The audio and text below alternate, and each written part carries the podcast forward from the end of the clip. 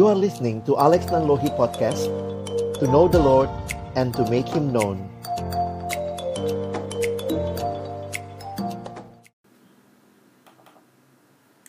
Ya, baik. Terima kasih buat kesempatan ini, dan saya coba share beberapa hal dalam pemikiran saya melihat apa yang juga sudah disampaikan tadi. Sebelumnya, selamat Paskah dulu buat kita semua.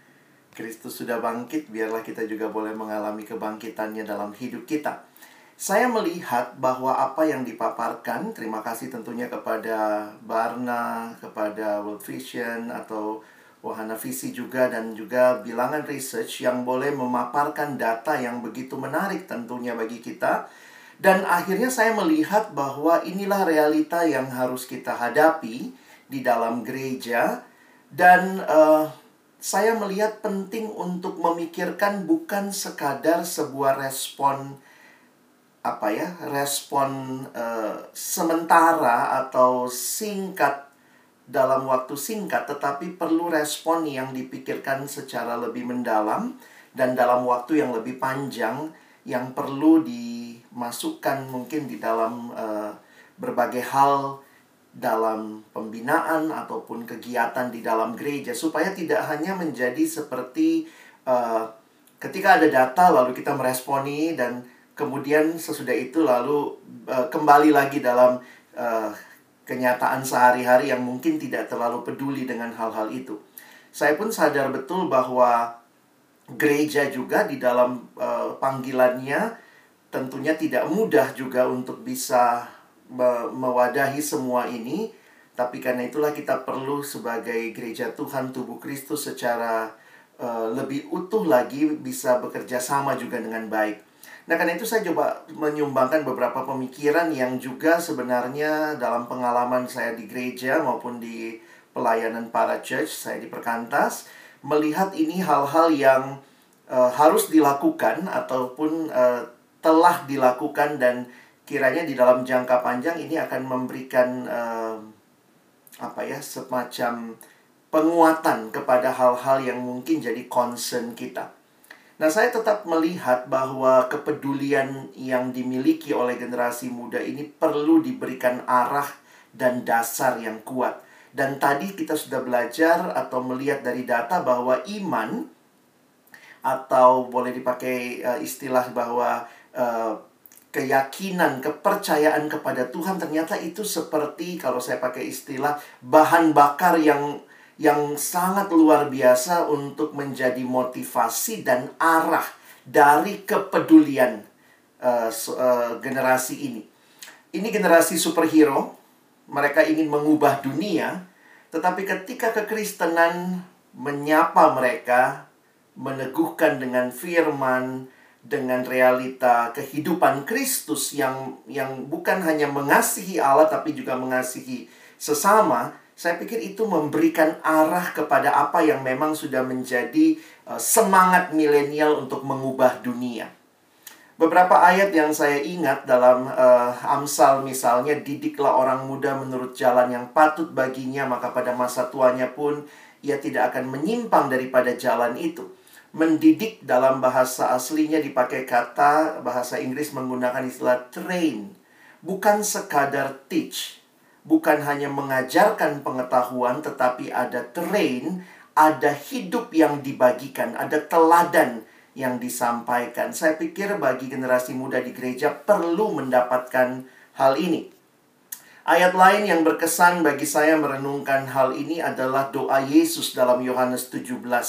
Mereka bukan dari dunia, tetapi di dalam ayat 18 Yesus mengutus uh, Engkau telah mengutus aku, kata Yesus, uh, ke dalam dunia. Demikian pula aku telah mengutus mereka ke dalam dunia. Bagaimana menyadari bahwa murid Kristus itu ada di dalam dunia, namun bukan bagian dari dunia. Nah, ini jadi bagian yang perlu terus kita uh, ingatkan bagi diri kita sebagai pemimpin gereja dan juga bagi jemaat tentunya. Dan ditambah lagi kalau kita mengingat Matius 5, 13, 16 Kamu adalah garam dunia, kamu adalah terang dunia perhatikan Yesus tidak menyatakan kamu adalah garam. Bukan demikian. Yesus pun tidak mengatakan kamu adalah terang. Tetapi Yesus mengatakan kamu adalah garam dunia. Yesus memberikan konteks di mana garam itu harus hadir, yaitu di dalam dunia. Terang itu harus hadir, yaitu di dalam dunia. Karena itu satu parafrase dari kalimat yang disampaikan dalam tulisan John Stott berkata demikian, "Jika daging busuk jangan salahkan daging, tapi tanyakan di manakah garamnya." Jika dunia busuk, jangan salahkan dunia, tapi tanyakan di manakah garam dunia. Jika rumah gelap, jangan salahkan rumah, tapi tanyakan di manakah lampunya. Jika dunia gelap, jangan salahkan dunia, tapi tanyakan di manakah terang dunia. Jadi dari pemahaman ini tentang orang muda, tentang kehadiran di dalam dunia, tentang memberi pengaruh di dalam dunia, saya pikir kita perlu terus mengingatkan diri kita apa sih gereja itu. Ada banyak tantangan yang tentunya Bapak Ibu sebagai pemimpin gereja sadari juga. Tapi dalam kaitan dengan orang muda, saya ingin mengangkat beberapa hal untuk kita pikirkan malam hari ini. Yang pertama adalah tantangan intergenerational church bahwa kita ada dalam gereja, khususnya kalau Bapak Ibu adalah gereja yang antar generasi, maka ya kita harus menyadari di dalam gereja bukan hanya ada anak muda, bukan hanya ada anak-anak, bukan hanya ada orang tua, tapi ada berbagai generasi. Dan tanpa sadar sering kali yang terjadi bisa jadi adalah generasi mana yang terbaik. Dan kadang-kadang hal ini menjadi bahaya laten kalau boleh dipakai istilah itu ya bahwa bahaya kesombongan merasa generasi kita yang terbaik. Dan kita lupa bahwa kita sebenarnya saling membutuhkan. Sehingga di dalam banyak pelayanan gereja sebelum kita berbicara lebih lanjut apa yang akan kita lakukan untuk orang muda atau sebagai tubuh Kristus maka kita perlu juga berpikir bagaimana connecting the generation. Dan di sinilah kita harus melihat pentingnya saling terbuka di mana yang tua melihat yang muda, yang muda pun juga peduli dengan yang tua. Seringkali karena kepemimpinan gereja ada di dalam generasi tertentu, apalagi kalau gereja yang punya uh, pelayanan yang mungkin sudah cukup besar, kompleks, maka biasanya di dalam kepemimpinan gereja sedikit sekali anak muda. Jadi Padahal di dalamnya juga mereka dikatakan tadi banyak potensi ingin mengubah dunia. Nah, ini perlu kita pikirkan bagaimana memberi tempat kepada orang muda. Dan tentunya orang muda pun tidak boleh sombong merasa dirinya lah segala-galanya. Kayaknya sekarang semua fokusnya anak muda, apa-apa anak muda karena takut kehilangan generasi. Tetapi mereka pun menyadari pentingnya kehadiran generasi yang lebih tua. Young generation have the passion and information But the older generation have wisdom and we need each other. Warisan terbaik bagi generasi muda adalah teladan yang baik tentunya dari generasi yang lebih tua. Nah, jadi ini yang perlu kita kembangkan uh, dalam gereja dan juga secara khusus untuk melihat kehadiran orang muda. Saya sedih kalau melihat memang dalam realitanya kalau bicara orang muda langsung yang dilihat oleh para uh, aktivis ataupun pemimpin ya mungkin tidak semua tapi sebagian besar adalah mereka bermasalah. Ini mereka punya masalah. Mereka punya masalah. Padahal kalau kita mau jujur, setiap generasi juga punya masalah. Bapak Ibu yang ada dalam generasi yang mungkin sudah usianya di atas 60, ada masalah? Ada yang umur 50-an ada masalah ada juga gitu ya. Tapi memang karena ya di sorotan ini orang muda, mereka malas, mereka tidak rohani, mereka kurang kurang terlibat dan seterusnya. Dan ini yang perlu kita kembangkan. Mereka anak-anak kita. We need to love and embrace this generation. Jadi pendekatan kita uh, mungkin seperti kalau wahana visi gitu ya, merawat dengan kasih. Mungkin kita perlu itu, bukannya problematik saja, tentu ada problem. Tetapi mari kita mendekati mereka dengan kasih Allah. Nah, karena itu ada satu buku yang menarik bagi saya, ditulis oleh seorang pastor milenial namanya Grant Skeldon. Ini pastornya, tatoan Bapak Ibu ya. Tapi uh, dalam pelayanan dia, dia banyak menjadi uh, corong ya untuk anak milenial karena dia sendiri dari generasi milenial, tetapi dia sendiri juga melihat pentingnya generasi milenial terbuka kepada yang tua atau generasi sebelumnya. Nah, buku yang uh, kami juga sudah terjemahkan karena ini satu buku yang saya pikir sangat baik menolong memberikan gambaran dan menjadi jembatan adalah diterjemahkan menjadi generasi penuh hasrat. Ada beberapa hal dalam uh, buku ini yang disampaikan uh, menarik untuk kita perhatikan karena buku ini juga ditulis sebenarnya baik untuk generasi yang tua maupun generasi yang milenial. Jadi kepada generasi yang lebih tua, Pastor Grant Skeldon berusaha menyampaikan permohonan generasinya, tetapi kepada generasinya pun dia menyampaikan pentingnya mereka punya orang-orang yang lebih dewasa untuk membimbing mereka. Nah, jadi beberapa kartun yang menarik dalam bab-bab buku ini, jadi setiap bab kemudian dia simpulkan salah satu kartunnya ini ya. Nah, jadi everyone is talking about millennials. We are right here, kata millennials, but no one listening to them. Kadang-kadang memang Ya, kita pun mungkin bikin seminar seperti ini, lain kali mungkin kita bisa undang anak milenialnya ya ngomong sendiri gitu ya. Jadi memang itu realita yang terjadi. The church always talk about millennials, but do we really listen to them? Nah, ini yang kita harus ciptakan ruang-ruang seperti itu. Dan ada satu kesimpulan menarik yang juga saya pikir jadi tesis dari buku ini yang saya pikir uh, ini bagian yang penting untuk diperkenalkan juga. Dia mengatakan begini, the church doesn't have a millennial problem. Masalah gereja itu bukan masalah milenial, tetapi it has a discipleship problem. Masalahnya adalah masalah pemuridan. Dia mengatakan kalau generasi milenial selesai, nanti masuk lagi generasi Y, generasi Alpha, ya karena udah habis hurufnya gitu ya uh, Z gitu lalu habis Z nanti masuk ke alpha kalau setiap kali pendekatan kita ini bermasalah, ini generasi bermasalah, maka dia mengatakan sebenarnya yang harus kita tanyakan bukan generasinya, tetapi apakah di gereja terjadi pemuridan yang baik. Sehingga beberapa bab dalam bukunya dia memberikan pemahaman tentang pemuridan. Yang dia maksud adalah kehadiran orang yang lebih tua atau mungkin lebih dewasa membimbing yang muda. Jadi menarik untuk kita perhatikan akan hal ini. Dia mencoba membandingkan uh, tentang apa yang terjadi di gereja. Dia katakan mentorship somehow kita bicara, ayo come and meet with me. Tidak salah, tentunya gereja butuh mentorship juga.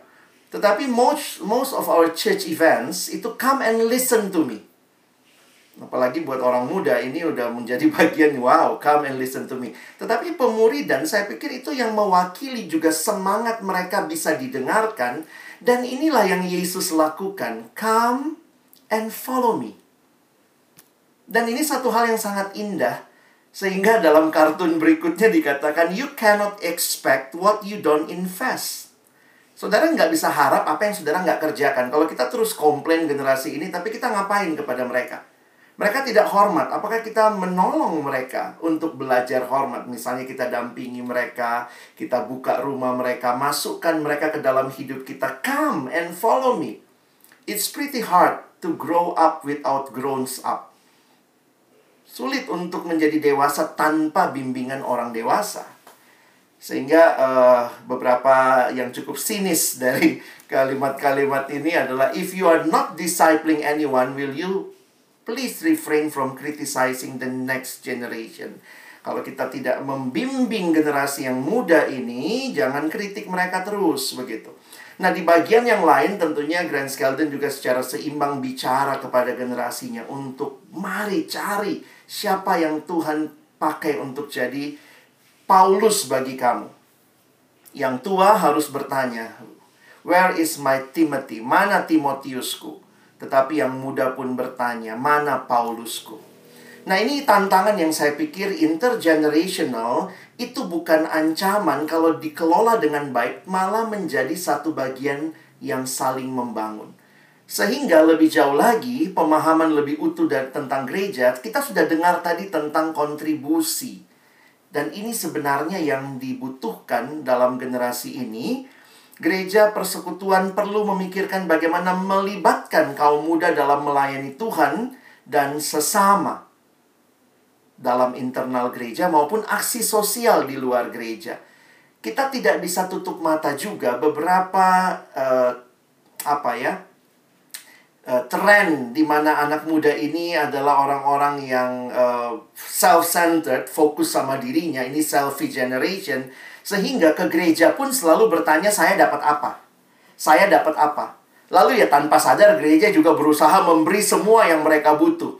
Wow, ini gerejanya kurang dingin, nah AC-nya tambahin. Gerejanya kurang seru, lampu ditambahin. Gerejanya kurang he heboh, musik kita tambahin. Sehingga hal-hal itu kemudian menjadi sesuatu yang endless, tidak ada ujungnya.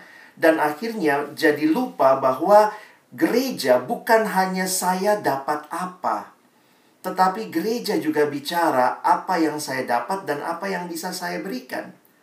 Sehingga perlu berpikir serius dari consumer menjadi kontributor. Dan itu dalam survei tadi sebenarnya sudah sangat jelas.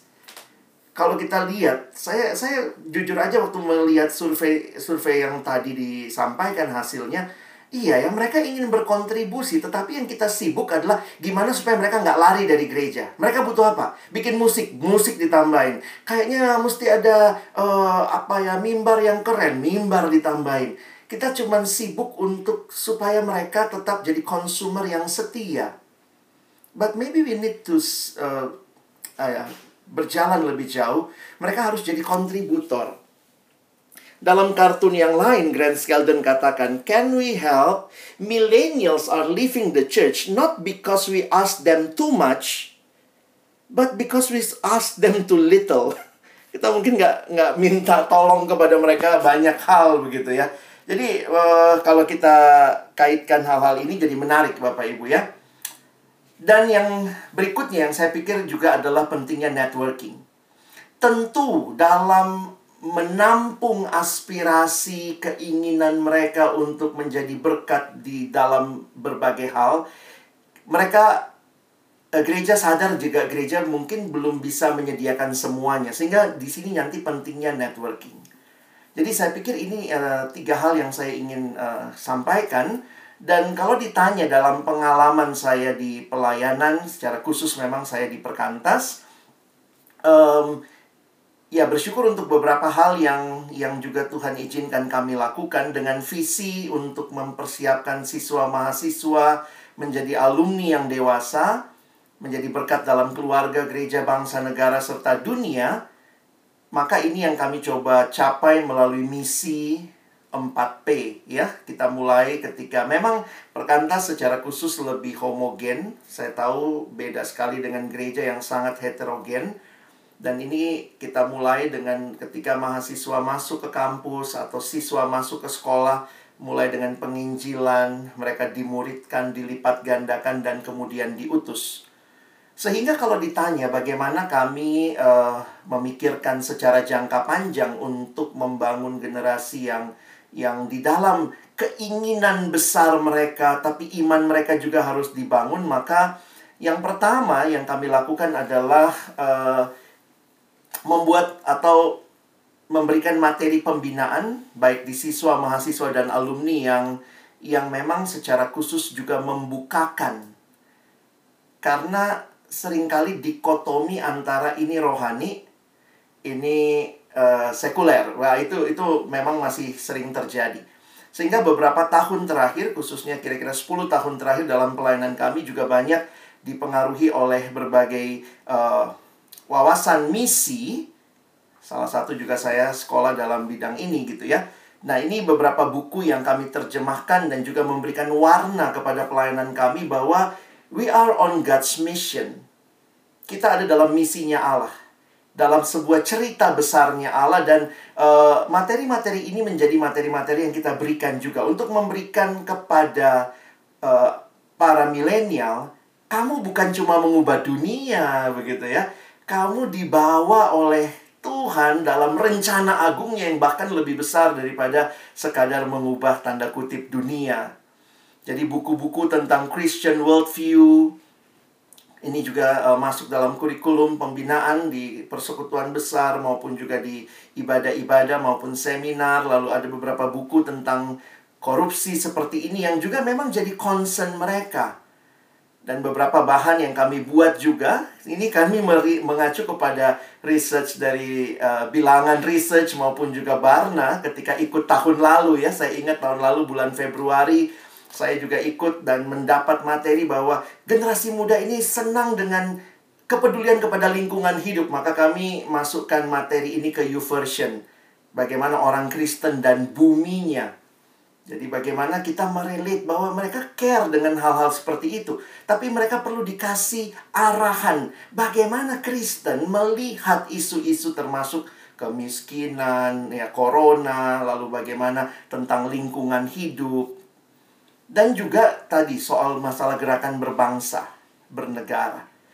Nah, ini jadi gerakan doa bersama yang juga kami berikan dan masuk dalam materi pembinaan kami yang kira-kira 10 tahun lalu belum masuk kami tambahkan satu bab tentang berbangsa dan bernegara. Dan semua materi ini ya kita berjuang untuk memasukkannya di dalam kegiatan. Jadi memang pertama ya harus mengerti uh, konsepnya dulu dan kemudian bagaimana melalui kegiatan-kegiatan kami coba terapkan misalnya yang sederhana di dalam pelayanan siswa. Sejak siswa kita menolong mereka untuk berpikir serius tentang pilihan jurusan mereka seperti apa pilihan jurusan mereka untuk apa? Kamu mau jadi dokter buat kaya?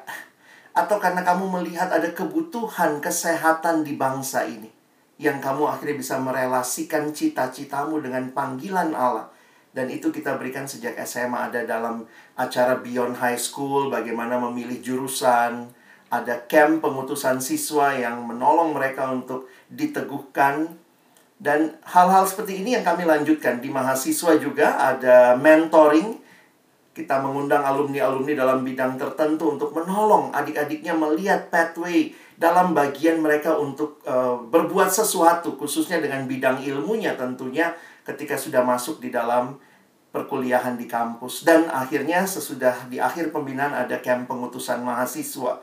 Dan di alumni juga kita punya interest group kami ada camp-camp yang dilakukan untuk menghimpun alumni dan berbagi yang tua dan yang muda sehingga ini menjadi satu kebiasaannya dalam camp ada yang senior sharing tentang hidupnya, panggilannya dan ini menjadi satu role model yang bisa dilihat.